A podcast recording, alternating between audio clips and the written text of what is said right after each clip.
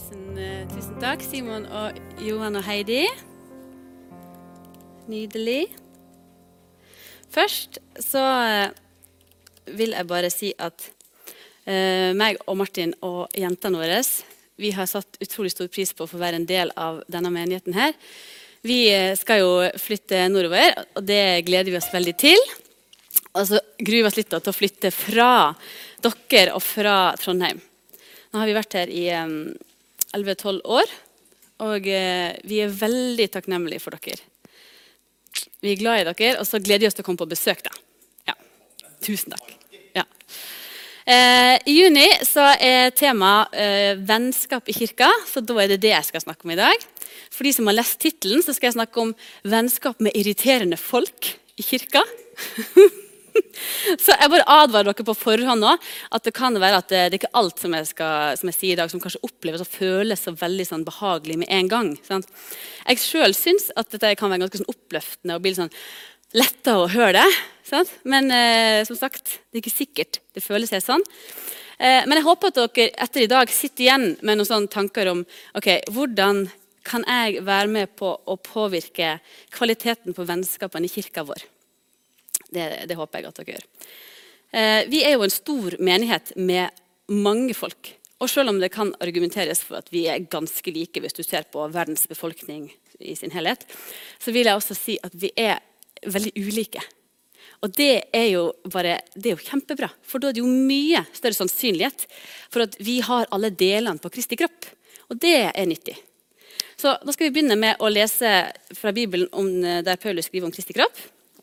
Det står i 1. Korinterne Skal vi se, få plass til Bibelen og Mac-en. 1. Korinterne 12, og så skal vi lese vers 12 til 27. 1. Korinterne 12, vers 12 til 27. Slik kroppen er én, selv om den har mange lemmer, og alle lemmene utgjør én kropp, enda de er mange. Slik er det også med Kristus. For med én ånd ble vi alle døpt til å være én kropp, enten vi er jøder eller grekere, slaver eller frie, Og alle fikk vi én ånd å drikke. For kroppen består ikke av én kroppsdel, men av mange. Om nå foten sier 'fordi jeg ikke er hånd, hører jeg ikke med til kroppen', så er den like fullt en del av den. Om øret sier 'fordi jeg er, ikke er øye, hører jeg ikke med til kroppen', så er det like fullt en del av den. Hvis hele kroppen var øye, hvor ble det da av hørselen? Hvis det hele var hørselen, hvor ble det av luktesansen? Men nå har Gud gitt hvert enkelt lem sin plass på kroppen slik han ville det. Hvis det hele var én kroppsdel, hvor ble det da av kroppen? Men nå er det mange kroppsdeler, men bare én kropp. Øyet kan ikke si til hånden 'jeg trenger deg ikke', eller hodet til føttene 'jeg har ikke bruk for dere'. Tvert imot. De delene av kroppen som syns å være svakest, nettopp de er nødvendige. De kroppsdelene som vi syns er mindre ære verdt, dem gir vi desto større ære. Og de delene vi føler skam ved, kler vi desto mer sømmelig. De andre trenger det ikke. Men nå har Gud satt sammen kroppen slik at det som mangler ære, får mye ære, for at det ikke skal bli splittelse i kroppen. Men alle lemmene har samme omsorg for hverandre. For om ett lem lider, lider alle de andre med. Om ett lem blir hedret, gleder alle de andre seg. Dere er Kristi kropp, og hver av dere er et lem på ham.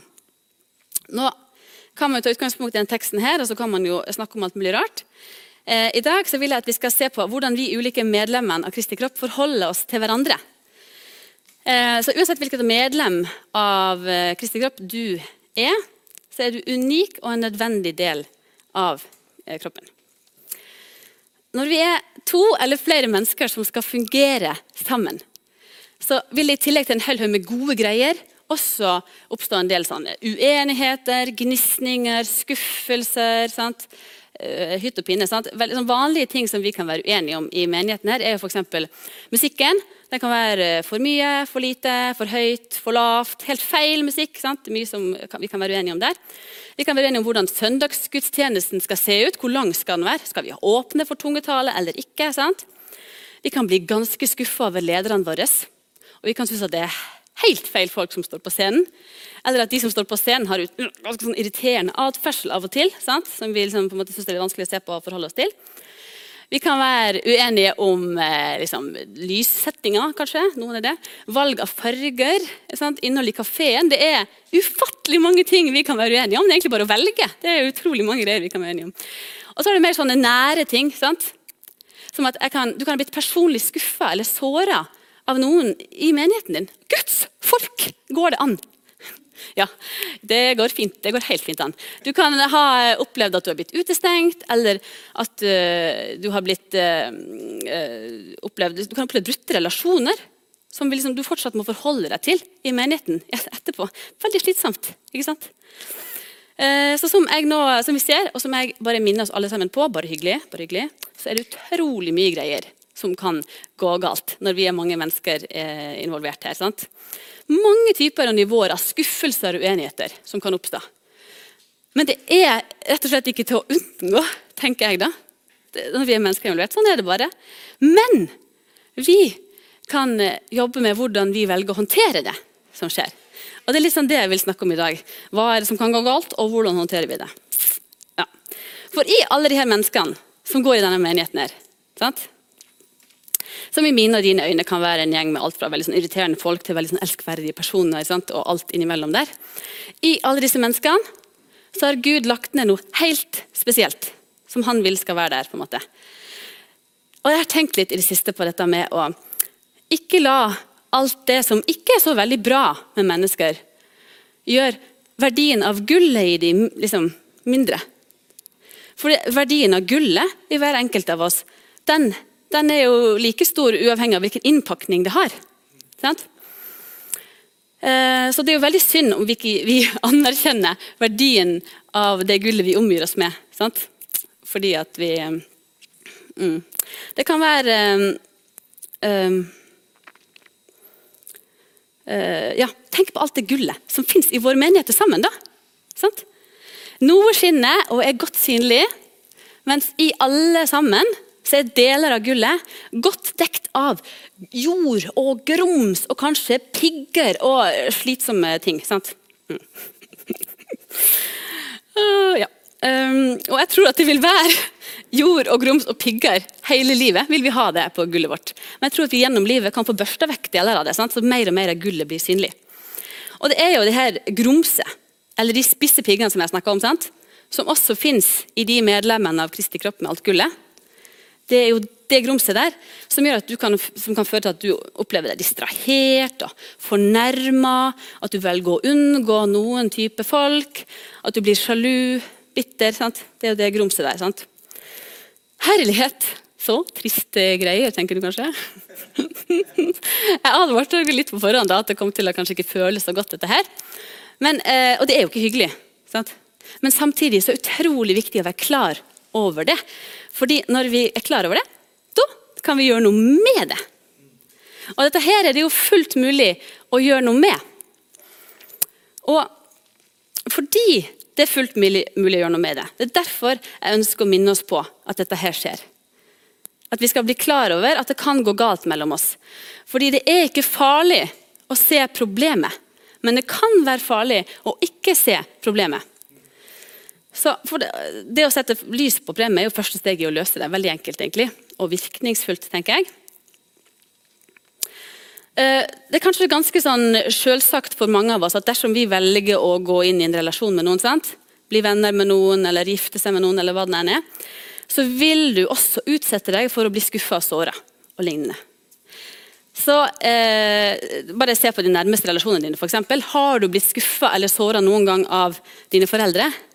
Din ektefelle, dine barn, eh, søsken, nære venner. Selvfølgelig har du det. Så da er det ikke noe rart at akkurat det samme skjer i kirka. på en måte. Det er ikke sånn at eh, Guds folk aldri bommer i vennskapene sine. Eh, I flere av brevene som Paulus skrev til menighetene, så påpeker han noe som menighetene må rydde opp i. og Ofte kan det være at de kjører seg sånn fast i sånne relasjonelle problemer. sant? Eh, og da, tar, da, følger han ofte et mønster. Det første han gjør, er at han starter med å definere problemet.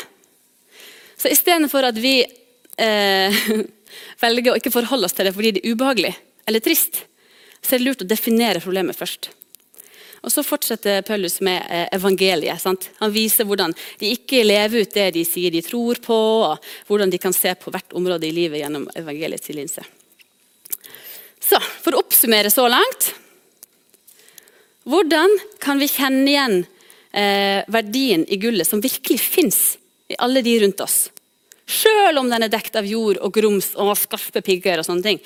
Det første jeg trekker fram er at den jorda og denne piggene kan føre til problemer i vennskapene våre.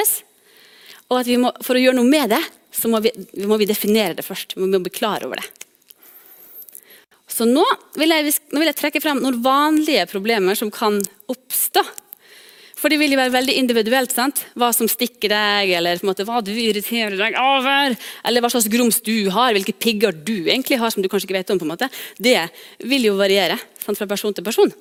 Eh, men jeg vil trekke fram tre ting som jeg tenker egentlig at hver enkelt av oss kan gjøre noe med i vårt eget liv. For er det noe som virkelig funker, så er det å jobbe med seg sjøl istedenfor å prøve å fikse noen andre. Da, selv om det er sikkert mange som har prøvd det da, flere ganger. Ja. Jeg kjenner jo mange av dere, men jeg kjenner meg sjøl veldig mye bedre. Så da tenker jeg at er, da er mitt, da tar jeg ansvar for å se på mitt liv, og så kan du se på ditt liv. sant? No. Så eh, om eh, det er noe Den hellige ånd minner deg på eller prøver å vise deg i dag, ikke vær redd for oss å se det. på en måte.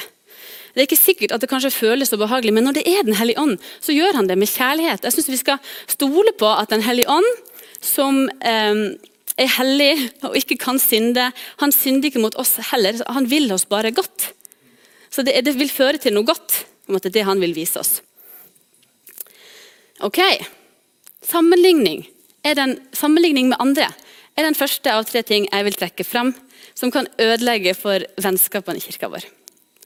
Det faller oss veldig naturlig å sammenligne oss med andre. De fleste av oss uh, gjør det på en måte kanskje uten at vi er bevisste, eller mer enn vi liker. Iallfall jeg, da. Uh, uh, men det er virkelig ikke lurt. Vi leste jo i første Korinterne her, 12, 14, nei, 15 for eksempel, her, om foten og sier fordi jeg ikke er hånd, hører jeg ikke med til kroppen.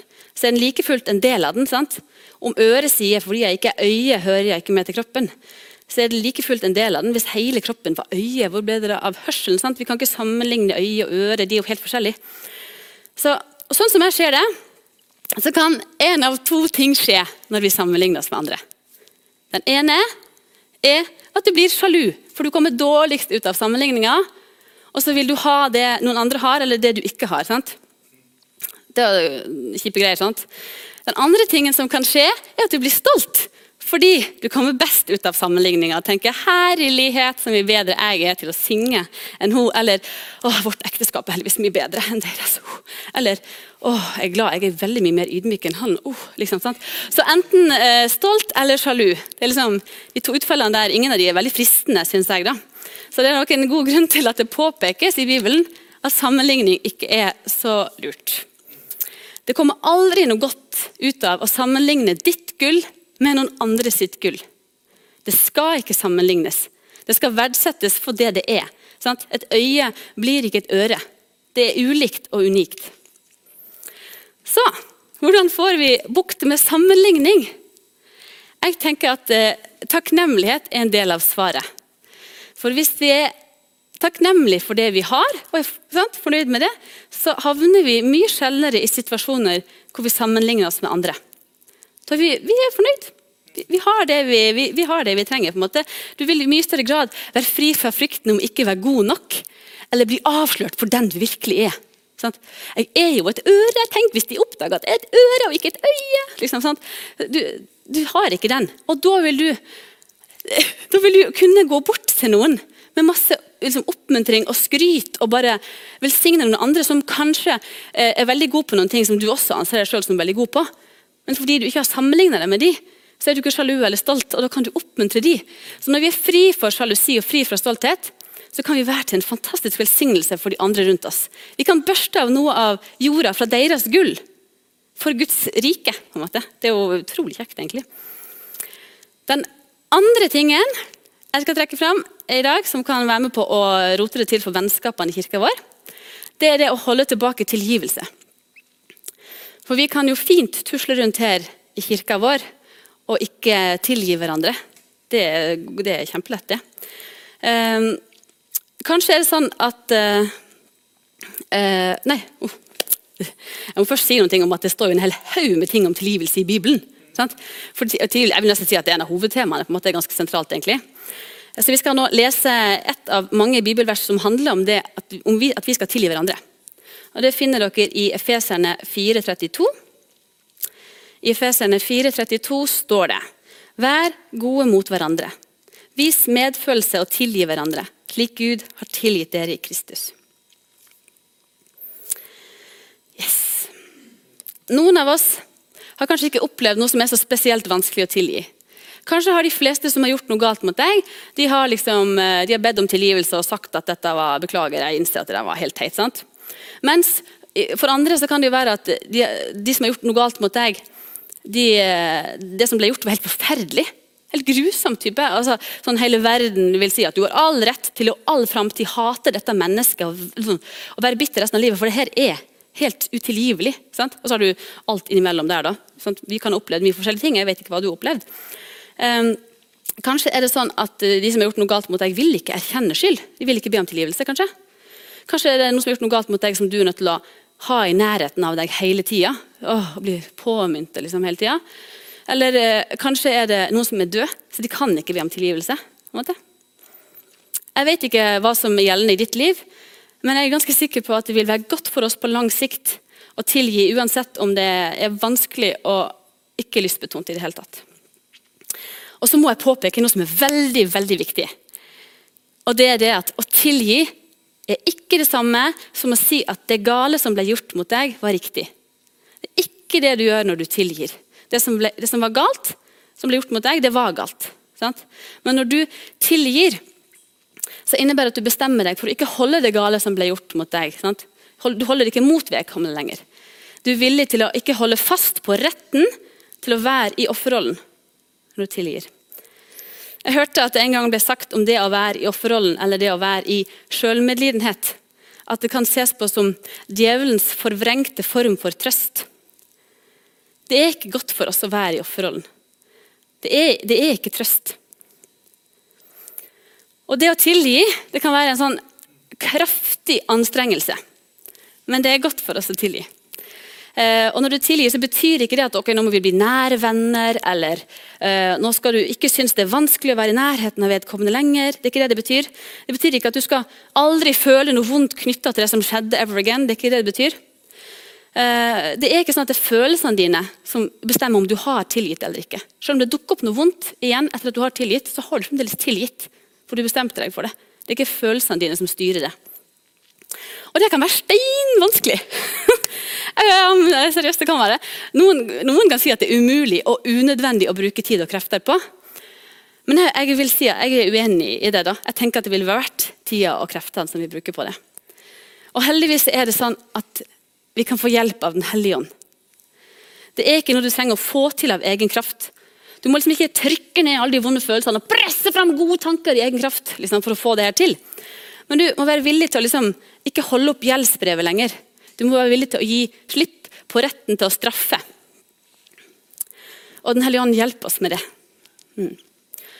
Og Om det er noe du trenger å hjelpe til å snakke om og sortere i, fordi det vet jeg at kan være veldig vanskelig, så har vi en samtaletjeneste her i Betel. Og Trondheim samtaletjeneste tilbyr også samtaler om det her.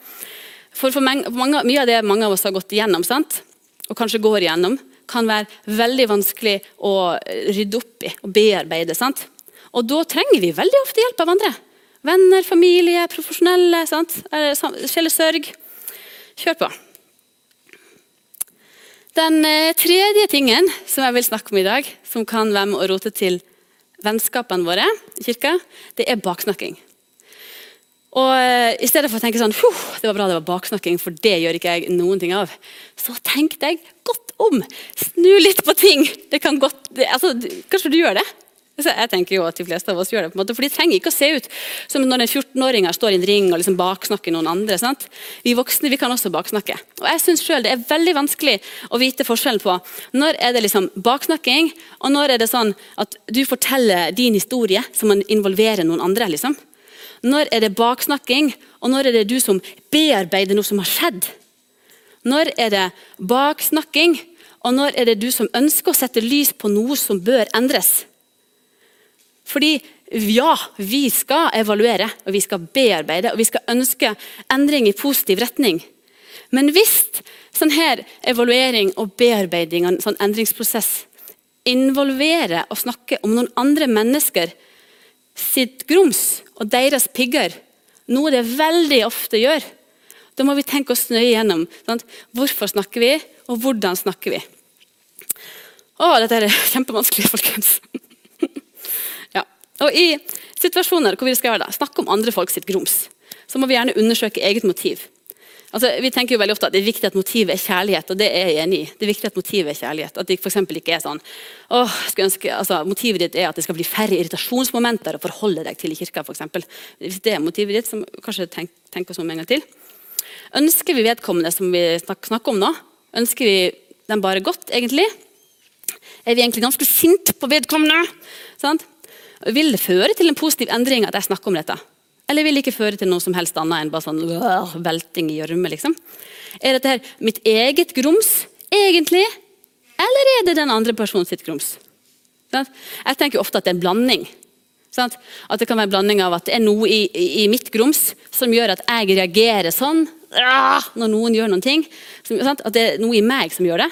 Men kanskje i tillegg til at vedkommende har noen sånne uflipte pigger som jeg til stadighet driver og dunker borti. Så det kan være begge deler. Sant? Kombinasjon. Og det kan være, Som vi snakka om sist, Nei, nettopp, så er det å definere problemet viktig. For da kan vi løse det. Så finne ut av hvorfor skjer det her. Det er viktig. Og når vi er inne på det, så vil jeg vi skal lese Johannes 13, 35. I Johannes 13, 35 står det Ved dette skal alle forstå at dere er mine disipler. At dere har kjærlighet til hverandre. Er jeg på lufta, eller? Ja. Eh, at dere har kjærlighet til hverandre. ja. Her skulle det jo vært et unntak. sant? At dere har kjærlighet til hverandre, bortsett fra de ti aller mest irriterende folkene i kirka. Liksom, Men det gjør det ikke. Så vi skal da ha kjærlighet til alle sammen. For det er jo ikke sånn at når vi ble frelst, så forsvant alt grumset og alle piggene øyeblikkelig. Det gjorde det ikke. Og når vi ble vant med tanken om at alle medlemmene i Kristi kropp har sånn der jord og grums og pigger rundt gullet sitt, så blir det kanskje lettere å forholde seg til andre folks jord og grums. Og være litt raus med deres jord og grums. Um, og når vi får definert problemet, sant, så kan vi gjennom vennskap og kjærlighet hjelpe hverandre til å få børsta vekk jord og slipt vekk noen sånne skarpe pigger. Vi kan være takknemlige for alle Kristi kropp sine medlemmer. Vi kan tilgi de medlemmene som har gjort oss noe galt, om det er stort eller smått. Vi kan snakke godt om hverandre og ta noen ærlige samtaler med riktig motiv. Det er kanskje ikke sikkert de samtalene er så hyggelige, på en måte, men det kan være de veldig viktige. Da vil mer av gullet bli synlig. Og det kan føles veldig attraktivt å bare gi opp. Ikke gidd dette. Og kanskje har du prøvd sant? og, synes, og fant ut at det funka ikke, jeg fikk det ikke til. Eller vet du hva, det der orker jeg ikke, det var for slitsomt. på en måte. Eh, Sjøl har jeg syntes at mye av det her og synes fremdeles mye av det her er vanskelig. Sant? Dette er vanskelig. Ikke gi opp. Be om hjelp. Og I sånne utviklings, utviklingsprosesser som jeg har vært gjennom, så har jeg fått hjelp av både venner, familie, jeg har snakka med folk, jeg har fått rydda opp i ting. Men ikke minst så har jeg fått magisk hjelp av Den hellige ånd. Så jeg må bare minne oss på, altså Vi som har fått Den hellige ånd, er heldige å ha han, vi må vite å utnytte oss av det. Fordi vi får kraft av Den hellige ånd til å gjøre dette her til å tilgi noen. Sant? Det, er, det er kjempevanskelig. Men vi får kraft av Den hellige ånd til å gjøre det. Vi må bare være villige til å åpne han inn i rommet, slippe han inn i rommet. Da vil alt forandres. Eh, han er vår hjelper. Han er vår trøster. Han gir virkelig god trøst. Og han er vår veileder. Da vil jeg avslutte med en bønn. Kjære pappa Gud. Takk for at du vil oss alt godt. Og takk for at vi kan komme til deg med alt. Hjelp oss med å tørre å innse problemer i vårt eget liv. Om det er noe du ønsker vi skal rydde opp i eller innse, så vis oss det. Takk for at du alltid er hos oss, uansett hva vi går igjennom. Vi ønsker at det skal være gode og sunne vennskap i denne menigheten her, og at det skal være godt å være her. Takk for at du viser oss og lærer oss og hjelper oss på veien. Amen.